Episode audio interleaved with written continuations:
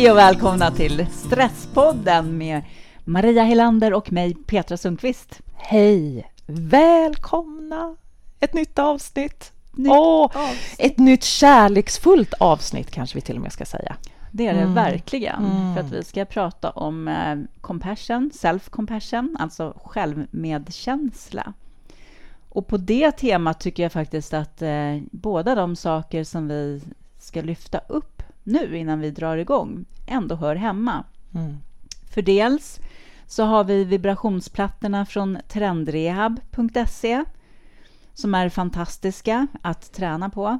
Just det, för inte det är självsnällhet att ta hand om hela kroppen. Inte bara det som händer inom oss, utan vår kropp ska ju vara med också. Dessutom vet vi att fysisk träning har en jättestor påverkan på både våran, eh, vårt självförtroende och självkänsla och på vårt sätt att hantera stress, vår förmåga att hantera stress. Så att det hör verkligen ihop. Mm. Och med vibrationsplattan, nu när det är svårt att få plats på gymmet, en del vill inte gå till gymmet, kan vara svårt, eh, mer utmaning än vanligt att träna i alla fall, Mm. så är det ju en fantastisk grej med vibrationsplattan. Du har träningen hemma. Det är inte så stor tröskel att ta sig över att gå och ställa sig på den där plattan. Nej, framförallt när det handlar om att du ska just gå och ställa dig på en platta och du vet att så här, en kvart på den, Mm. en kvart om dagen är som att träna minst en timme på ett annat sätt. Snacka om att tjäna in tid. Verkligen. Ja. Mm. Mm. Dels slippa gå till gymmet och sen bara att det tar en kvart för att du ska kunna gå igenom. Och det är enkla rörelsen som du kan göra, precis samma rörelse som du gör på gymmet, Mm. fast du gör det på plattan. Och du håller dem 30 sekunder ungefär, eh, upprepar några gånger och jag lovar er att ni kommer få träningsvärk efter ett sånt pass. Ja. Och orkar man inte det någon dag eller håller på att bygga upp sig från eh, kanske en utbrändhet eller någonting så kan man bara stå på den också. Musklerna får röra sig och du sänker dina stressnivåer otroligt mycket i kroppen. Upp till 30 procent kan du sänka stresshormonerna i kroppen. Så gå in hörni på trendrehab.se och titta på de här olika vibrationsplattorna som finns. Och passa på att göra den här investeringen i din egen hälsa. Det är självsnällt. Och vi kan till och med erbjuda en rabatt. Mm. Använd, ja precis, 20 procent. Gäller på hela sortimentet faktiskt, Mhm. vi, kan vi säga, ifall man är intresserad av någonting annat där, för det finns ju många saker inom träning och återhämtning. 20 procents rabatt om du anger Stresspodden i kassan. Mm, precis, 20 procent. Det blir ganska mycket det. Det blir det. Ja. Mm. Så passa på hörni, trendrehab.se. Ja, men vi vill också, apropå compassion, self-compassion, så vill eh, vi lyfta en compassion coach-utbildning som kickar igång den 17 till 18 april. Eller 17 april kickar den igång.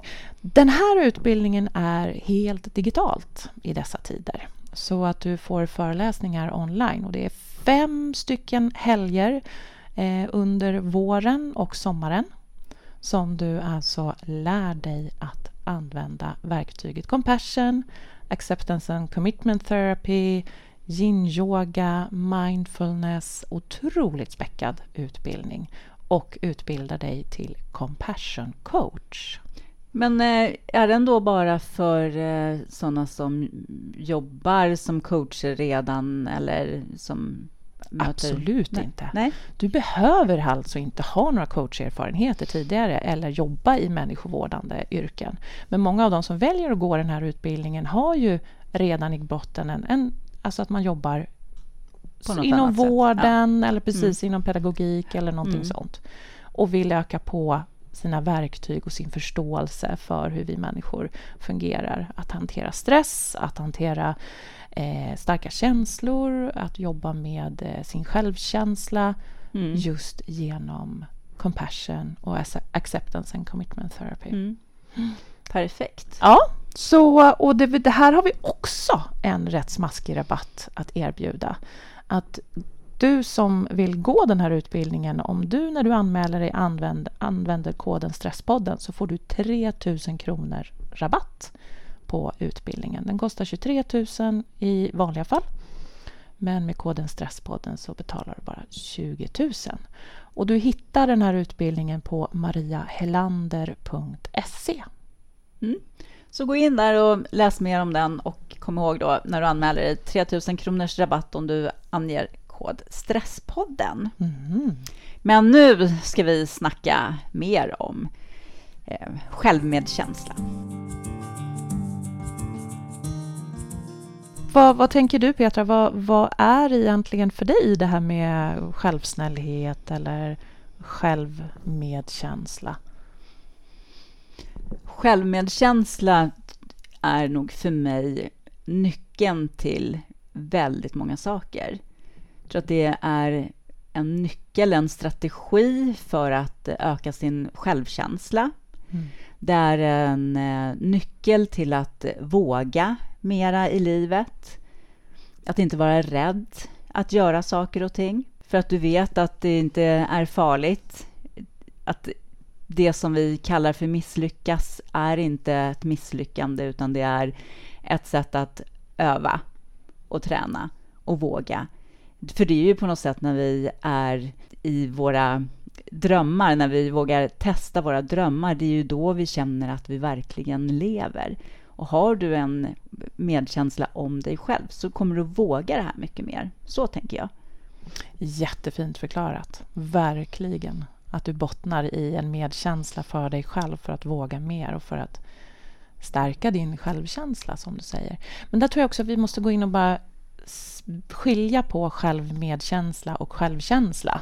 Ja, det är ju två skilda saker. Det är ju det, mm. ja. Självkänsla eh, handlar ju om det värdet du sätter på dig själv, så att säga. Att du upplever att du har ett värde som människa, som individ, som medmänniska. Mm. Eh, medans självmedkänsla, de kan vara helt frånkopplade varandra, de här två. Självmedkänsla är att du visar dig själv och känner själv en empati, omsorg, värme för dig själv.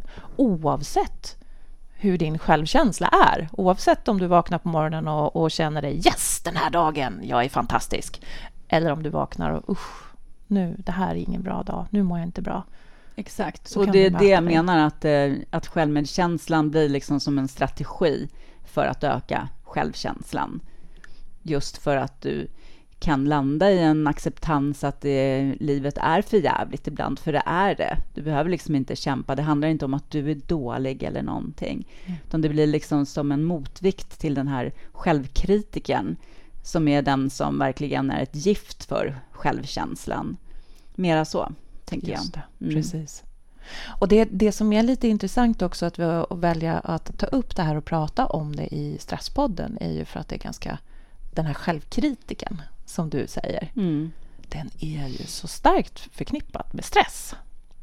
Och att vi till vardags, vi människor, har en självkritiker som hoppar upp och talar om för oss att det där gjorde du inte särskilt bra. Eller ska du verkligen? Det här, nu får du skärpa dig. Mm. Som finns där med mm. oss hela tiden. Och vi, vi, människor många gånger använder det också som en drivkraft och motivation. Mm. Att ju hårdare jag blir mot mig själv, desto mer kommer jag göra, tänker vi.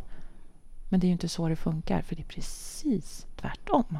Ja, det är det verkligen. Och det hänger ju verkligen också ihop med det här med att eh, vi vågar testa saker, vi vågar plocka fram en kreativitet och lekfullhet som vi inte kan göra om vi är självkritiska, för då går vi ju hela tiden, som du säger, och tänker bara på vad som ska hända, vad ska andra tycka, tänk om jag misslyckas och sådana saker. Medan, ja, men om vi ser på barn, de har ju en naturlig självmedkänsla. De är ju i leken. De provar och testar sig fram och leker och sen så förstörs ju det här väldigt mycket som många av de här barnegenskaperna tyvärr gör i det här prestationssamhället. Men vi behöver ju plocka fram våra barnegenskaper som vuxna också. Nyfikenheten, kreativiteten. Det är superviktigt, för att livet blir så otroligt mycket härligare ifall vi vågar det. Om vi vågar vara i det här eh, utforskande systemet som vi också kallar det för. Just det, lekfullheten, utforskarsystemet. Det är bra. Skitbra att du tar upp just det. För vad vi har ju, man pratar ju om att vi människor har tre egentligen grunddrivkrafter eller system. Och utforskarsystemet är just en utav dem. Mm. Det här att, att du, du får dopamin när du gör någonting. Du är nyfiken, du tycker saker och ting är spännande, du vill eh, lära dig eller att få bekräftelse från andra människor. Flow! Eh, upptäckar, lära sig nya saker. Där har du en jättestark drivkraft. Men så har du två andra drivkrafter också. Mm. Kan du inte berätta en om en av de där? Ja, med hotsystemet, det tror jag, det tänker vi ju alla. Och där är det ju många som är väldigt, väldigt stor del av tiden. Just det. Och där har vi ju hela tiden bara jordens stresspåslag och det är otroligt energikrävande att vara där när det inte är egentligen ett akut hot för ditt liv. Men jag tror också att det är viktigt att komma ihåg att det är en liten glidande skala i det hotsystemet. För att vi alla är där ibland. Ja, det måste vi vara. Ja, och det handlar inte bara om att komma ifrån en akut fara, utan det kan vara att du har en deadline, det kan vara att du blir lite nervös inför att du ska ringa till Skattemyndigheten. Det kan handla om att du måste hinna städa innan svärmor kommer. Och då är det lätt att gå in i hotsystemet. Och det, det blir ju kortisol, adrenalin som är drivkraften där. Och det är okej. Okay. Alltså båda de här, både hot och eh, upptäckar eh, drivkraften, nyfikenheten, är ju, är ju okej. Okay. Och väldigt mänskliga. Och vi ska ha dem i vårt arbetsliv och i vår vardag. Vi behöver vara i alla tre systemen mm. hela tiden. Men det ska ju vara en balans. Och i utforskande systemet och hotsystemet är det så himla lätt att hamna i. Hotsystemet hamnar ju många i ja, av anledningar som bottnar i rädslan att inte duga egentligen. Och utforskande systemet kan vara lätt till en grad att hamna i eftersom det handlar om vårt belöningscentra egentligen. Och det är lätt att söka det här som ger oss kickar och som belönar oss. Men det är också väldigt slitsamt att vara där för mycket. Så vi behöver en balans. Och det tredje är ju då vårt trygghetssystem. Och där hamnar vi inte bara per automatik, utan där är verkligen eh, någonting som vi måste göra ett aktivt val för att vara i våra trygghetssystem. Mm. För det är bara i trygghetssystemen som kroppen kan reparera sig själv, återhämta sig själv eh, och, och, och vila. Och trygghetssystemet är ju, det är ju egentligen, ja, det är som det låter, när du känner dig trygg. Mm. När du känner nu får jag vila eller det här är skönt. Nu, nu är jag bland människor som jag kan koppla av. Det är ingen prestation. För det är prestationslöshet i trygghetssystemet. Precis. Och det vi behöver träna oss på är ju att även om vi är bland människor som vi inte litar på eller i situationer som är jobbiga, så behöver vi träna på att komma till trygghetssystemet. Att lära känna den känslan. Så här känns det när jag mår bra, när jag känner mig trygg och i lugn. Och att kunna koppla in den känslan, det systemet, i andra sammanhang också. Och här kommer ju självsnällheten, self-compassion, in. Ja. För det är ju med hjälp av det, med hjälp av att jag känner en värme, en omsorg om mig själv som jag kan ta mig in i trygghetssystemet. Precis. Därför är det så viktigt mm. med självmedkänslan. Mm. Och nu, använt, nu har jag använt olika namn här. Vi har, pratat, vi har både pratat self-compassion, men det är det engelska ordet. Ja. Självmedkänsla är ju det svenska. Precis. Och själv... Medkänslan om sig själv. Och självsnällhet är egentligen eh, handlingen av eh, självmedkänslan, så att säga, när jag aktivt jobbar med ja, mina Eller tankar. omsorgen om sig själv, kan mm. man säga, är också det aktiva sättet att jobba med självmedkänsla. Precis. Vad man nu gillar. Mm. Det som många tänker och tror, det vet vi båda två, är att om jag tänker på mig själv och tar hand om mig själv, är det liksom eh, priset av det är att jag slutar tänka på andra och mer blir egoistisk. Och så är det ju absolut inte. Och det finns ju till och med intressant forskning på. Vi kan ju bara lyfta en liten studie som gjordes i USA för länge sedan man började arbeta med det här. För USA har ju hållit på med det här mycket längre än vad vi har gjort i Sverige som med så mycket annat. Men då tog man ju in i ett väntrum, i ett riggat väntrum, en grupp med människor. En del av de här människorna var skådisar, en del hade gått en uh, utbildning i self-compassion och tränat på det här. Och sen ja, med folk som inte hade gjort det. Så riggade man en situation i det här väntrummet med någon som akut behövde hjälp i det här väntrummet på något sjukhusvårdinrättning. Och eh, det var 16 procent av de som inte hade tränat compassion som reagerade och skulle hjälpa den här personen i nöd.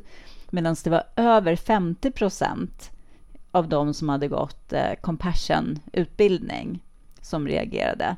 Och jag tycker det är ett sånt tydligt exempel wow. bara mm. på att det inte alls handlar om att du blir mer egoistisk och visar mindre omsorg om andra, utan det är precis tvärtom.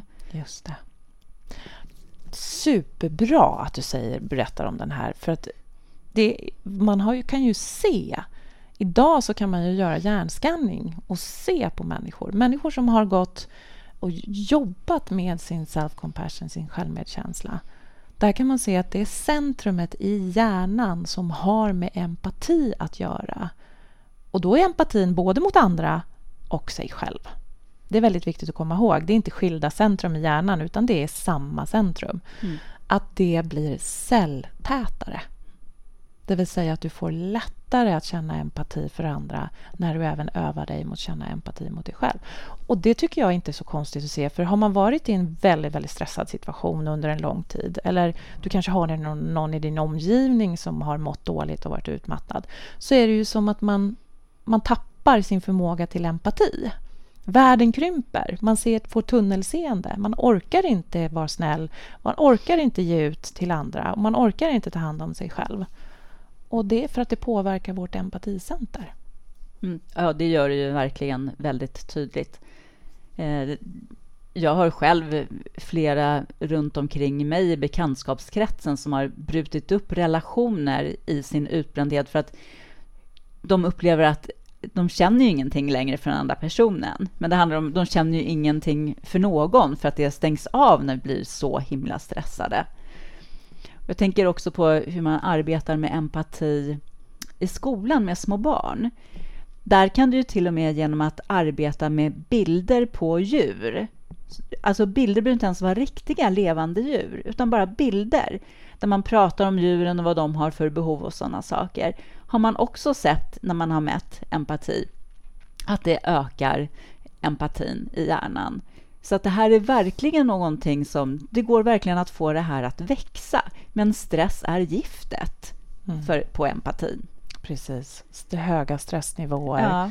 eh, under lång tid under påverkar lång tid. också Precis. centret i hjärnan, fast ja. åt andra hållet då, så att säga, empaticentret. Mm.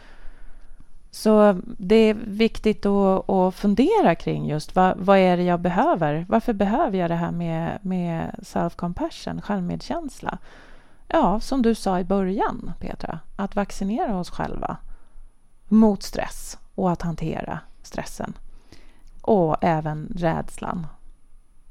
Precis. Mm. Ja. Jag, och som vi har pratat om förut också när vi började prata om att vi skulle snacka om just självmedkänsla, eh, vad det är, vad det gör med oss. Just att också komma ihåg att livet är tufft ibland mm. och att det är en storm ibland och att med självmedkänsla så blir du mer flexibel i hur livet är. Du faller inte liksom ner. Alltså du, du är en fjällbjörk. du kan svaja med stormen på ah, något sätt. Det är så en fjällbjörk gör. du knäcks inte. Nej. Mm. Eller hur? Just det, precis så. Det, det, mm, du har ett ganska bra rotsystem också. Du har ett mm. rotsystem och du eh, har en flexibel stam. Du kan, du, för du, böj, du är böjlig, liksom, flexibel. Mm. mm. Just det. För att du vet att det är tufft ibland, det är inte så här jämt. allting förändras hela tiden. Mm. Nu är det tufft, jag behöver ta mer hand om mig själv. Då gör jag det. Alltså om du har det tufft, som är min vän, då visar jag ju dig omsorg Ja. och vill, frågar dig vad behöver du nu, vad kan jag göra för att stötta dig? Det är ju självklart.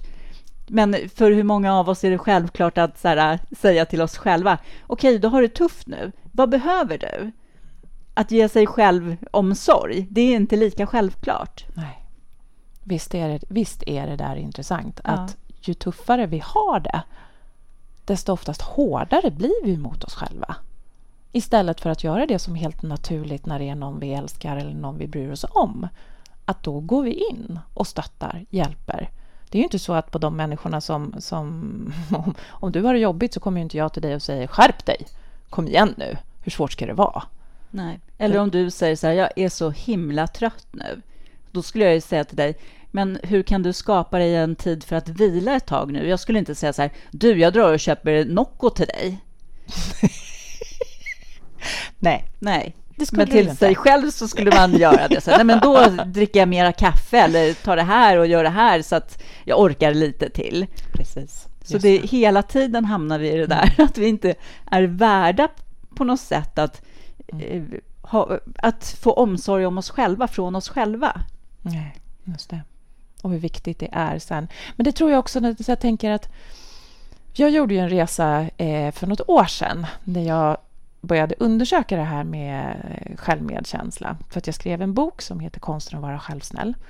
Eh, och från början när jag skrev den här boken så var det för att jag ville ju undersöka vad är egentligen självsnällhet, självmedkänsla, vad är det för någonting? Jag tyckte ju att jag var ganska självsnäll. Det tänkte jag, det här, jag, jag har ju jobbat med människor i hela mitt liv så att jag kan ju de här redskapen. Och så ju mer jag trängde mig in i ämnet desto mer såg jag, men jag är ju inte det. Jag, jag har hela tiden en, en radar utåt och kollar in vad, hur andra människor mår och vad andra människor tycker. Hur ska jag göra för att göra dem glada? Att gå in och ta ansvar i ett rum för att folk ska vara glada eller att det ska fungera bra saker. Och att först bli medveten om att nej, men jag är inte så snäll mot mig själv. Och sen märkte jag under, under arbetet med, med boken att det kom inte bara över en natt. Det var inte så att jag vaknade upp och oj, nej men titta, nu är jag själv snäll. Utan helt plötsligt under arbetet så började jag känna oj, nu satte jag en gräns här mot någon som jag aldrig har gjort tidigare. Eller jaha, det var lite lättare för mig att välja goda alternativ till mat istället för att självmedicinera med godis, choklad och vin.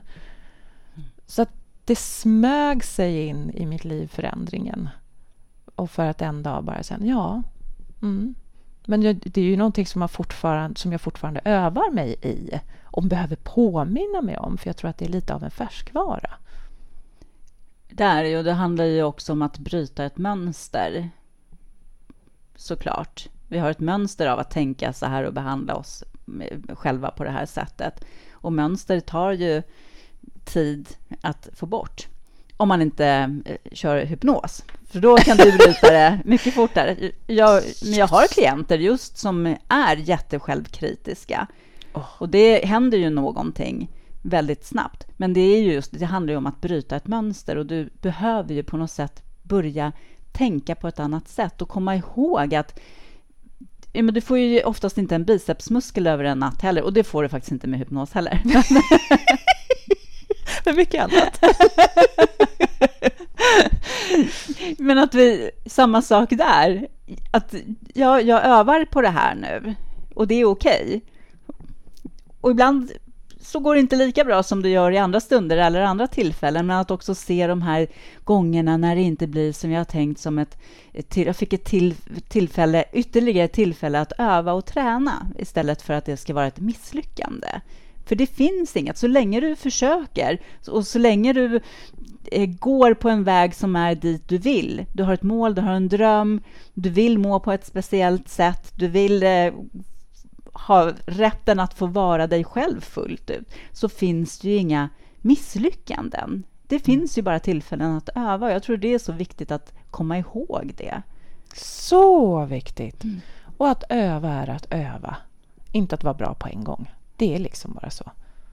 Nej, exakt. Och vad, vad är det att vara bra? Alltså det är också så här, bort från de där värderingarna hela tiden. Och så här, hur känns det? Och också få lite mer kontakt med sina känslor och undersöka dem och vara i sitt nyfikna system när vi känner saker och ting och fundera över att känslor Alltså vi har många känslor att de kommer med någonting, de säger oss någonting och titta lite nyfiket på vad det är de känslorna vill och inte värdera det som bra eller dåligt utan så här, ta emot dem, titta på dem. Eh, hjälper de inte så släpp dem, men titta på dem. Liksom. För de finns där. Mm. Acceptera det. Men det här är ju superintressant för det, det är även så att man, man via hypnos kan öka på sin, sin själv, self-compassion och sin... Ja, för du kan öva, eh, om man ska dra det kort, att ta situationer när du känner att du kanske har svårt att stå upp för dig själv och sätta de här gränserna. Att öva på det i hypnosen gör, och jag har sett det flera gånger nu bara på två veckor, så det är så sjukt häftigt, att det händer någonting redan dagen efter på ditt jobb.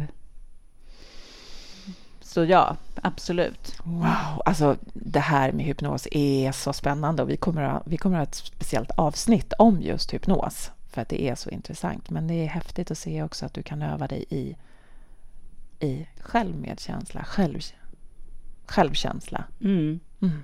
Men jag tänker också den utbildningen som du ska ha, den kan man väl också gå bara som privatperson som känner sig självkritisk för att lära sig de här verktygen för min egen del, eller hur? Det är väldigt många som väljer att gå just den här utbildningen för sig själv och sina nära och kära. Mm. Om, man är, om man är förälder exempelvis och vill hjälpa sina barn i att skapa större eh, self-compassion och, och, även sig själv, för man börjar ju alltid med sig själv. Precis. Ja, mm. Det är väl den största presenten man kan ge sina barn faktiskt, att ta hand om sig själv så att man kan vara mm. den här bra och goda förebilden. Verkligen. Mm.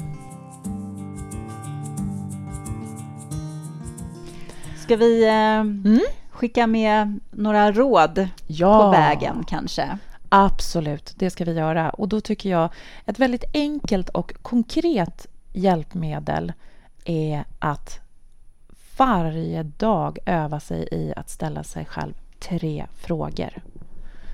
Vad vill jag? Vad behöver jag? Och hur kan jag stötta mig själv? Ta en post-it-lapp, skriv ner de här frågorna, sätt upp dem på ett ställe där du kan se dem. Varje morgon kanske vid nattduksbordet eller vid datorn om du sitter och jobbar på, på ditt hemmakontor eller någonting.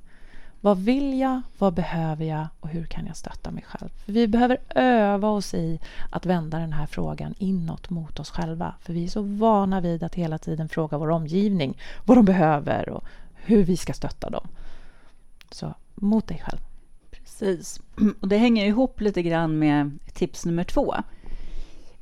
Nämligen att också när man vaknar på morgonen, startar en ny dag, att man på något sätt sätter intention för dagen. Alltså vad är det för avsikt med den här dagen? Vad vill jag med den här dagen? Hur vill jag må och vad vill jag känna när jag går och lägger mig ikväll? Och hur, hur kan jag få det och vad behövs för att jag ska få det? För då kan du också på kvällen också tänka på vad du sa på morgonen om vad du ville med den här dagen och ta med dig någon känsla som faktiskt du har skapat för att du satte den här intentionen på morgonen och visa tacksamhet, känna tacksamhet för det. För tacksamhet är också någonting som gör gott i dig själv. Verkligen. Och som hjälper till med vår, både vår självkänsla och vår självmedkänsla. Mm. Ja. ja, mycket kraftfullt redskap mm. att jobba med en intention. Mm. Verkligen. Mm. Och det som du också nämnde tidigare, det här med att livet går upp och ner, så kommer vi till vårt tredje tips.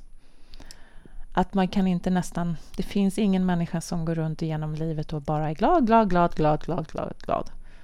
Utan att det handlar om också att acceptera och visa sig själv en omsorg när det är tufft. Att kunna möta den smärtan och säga att aj, det gör ont nu och mm. det är okej. Och därifrån visar sig en, själv en omsorg. Mm. Verkligen. För att ifall om man gör det och verkligen kan leva på det sättet att acceptera saker som det kommer och går i livet, då kommer du också ha en grundglädje i dig som alltid bär oavsett vad som händer. Det är liksom på något sätt livsglädjen. Så fint. Mm. Det tycker jag var en bra avslutning på den här podden. Eller på det här avsnittet. Ja, exakt. För vi kommer tillbaka. Vi kommer tillbaka. Ja, och ni ska dessutom komma ihåg att eh, söka upp oss på Instagram och på Facebook där vi heter Stresspodden på båda ställena. För där, hörni, där händer det grejer. Där händer det grejer. Ja. Precis. Gör det. Ta hand om er och eh, ha lite självomsorg nu. Hej då. Hej då.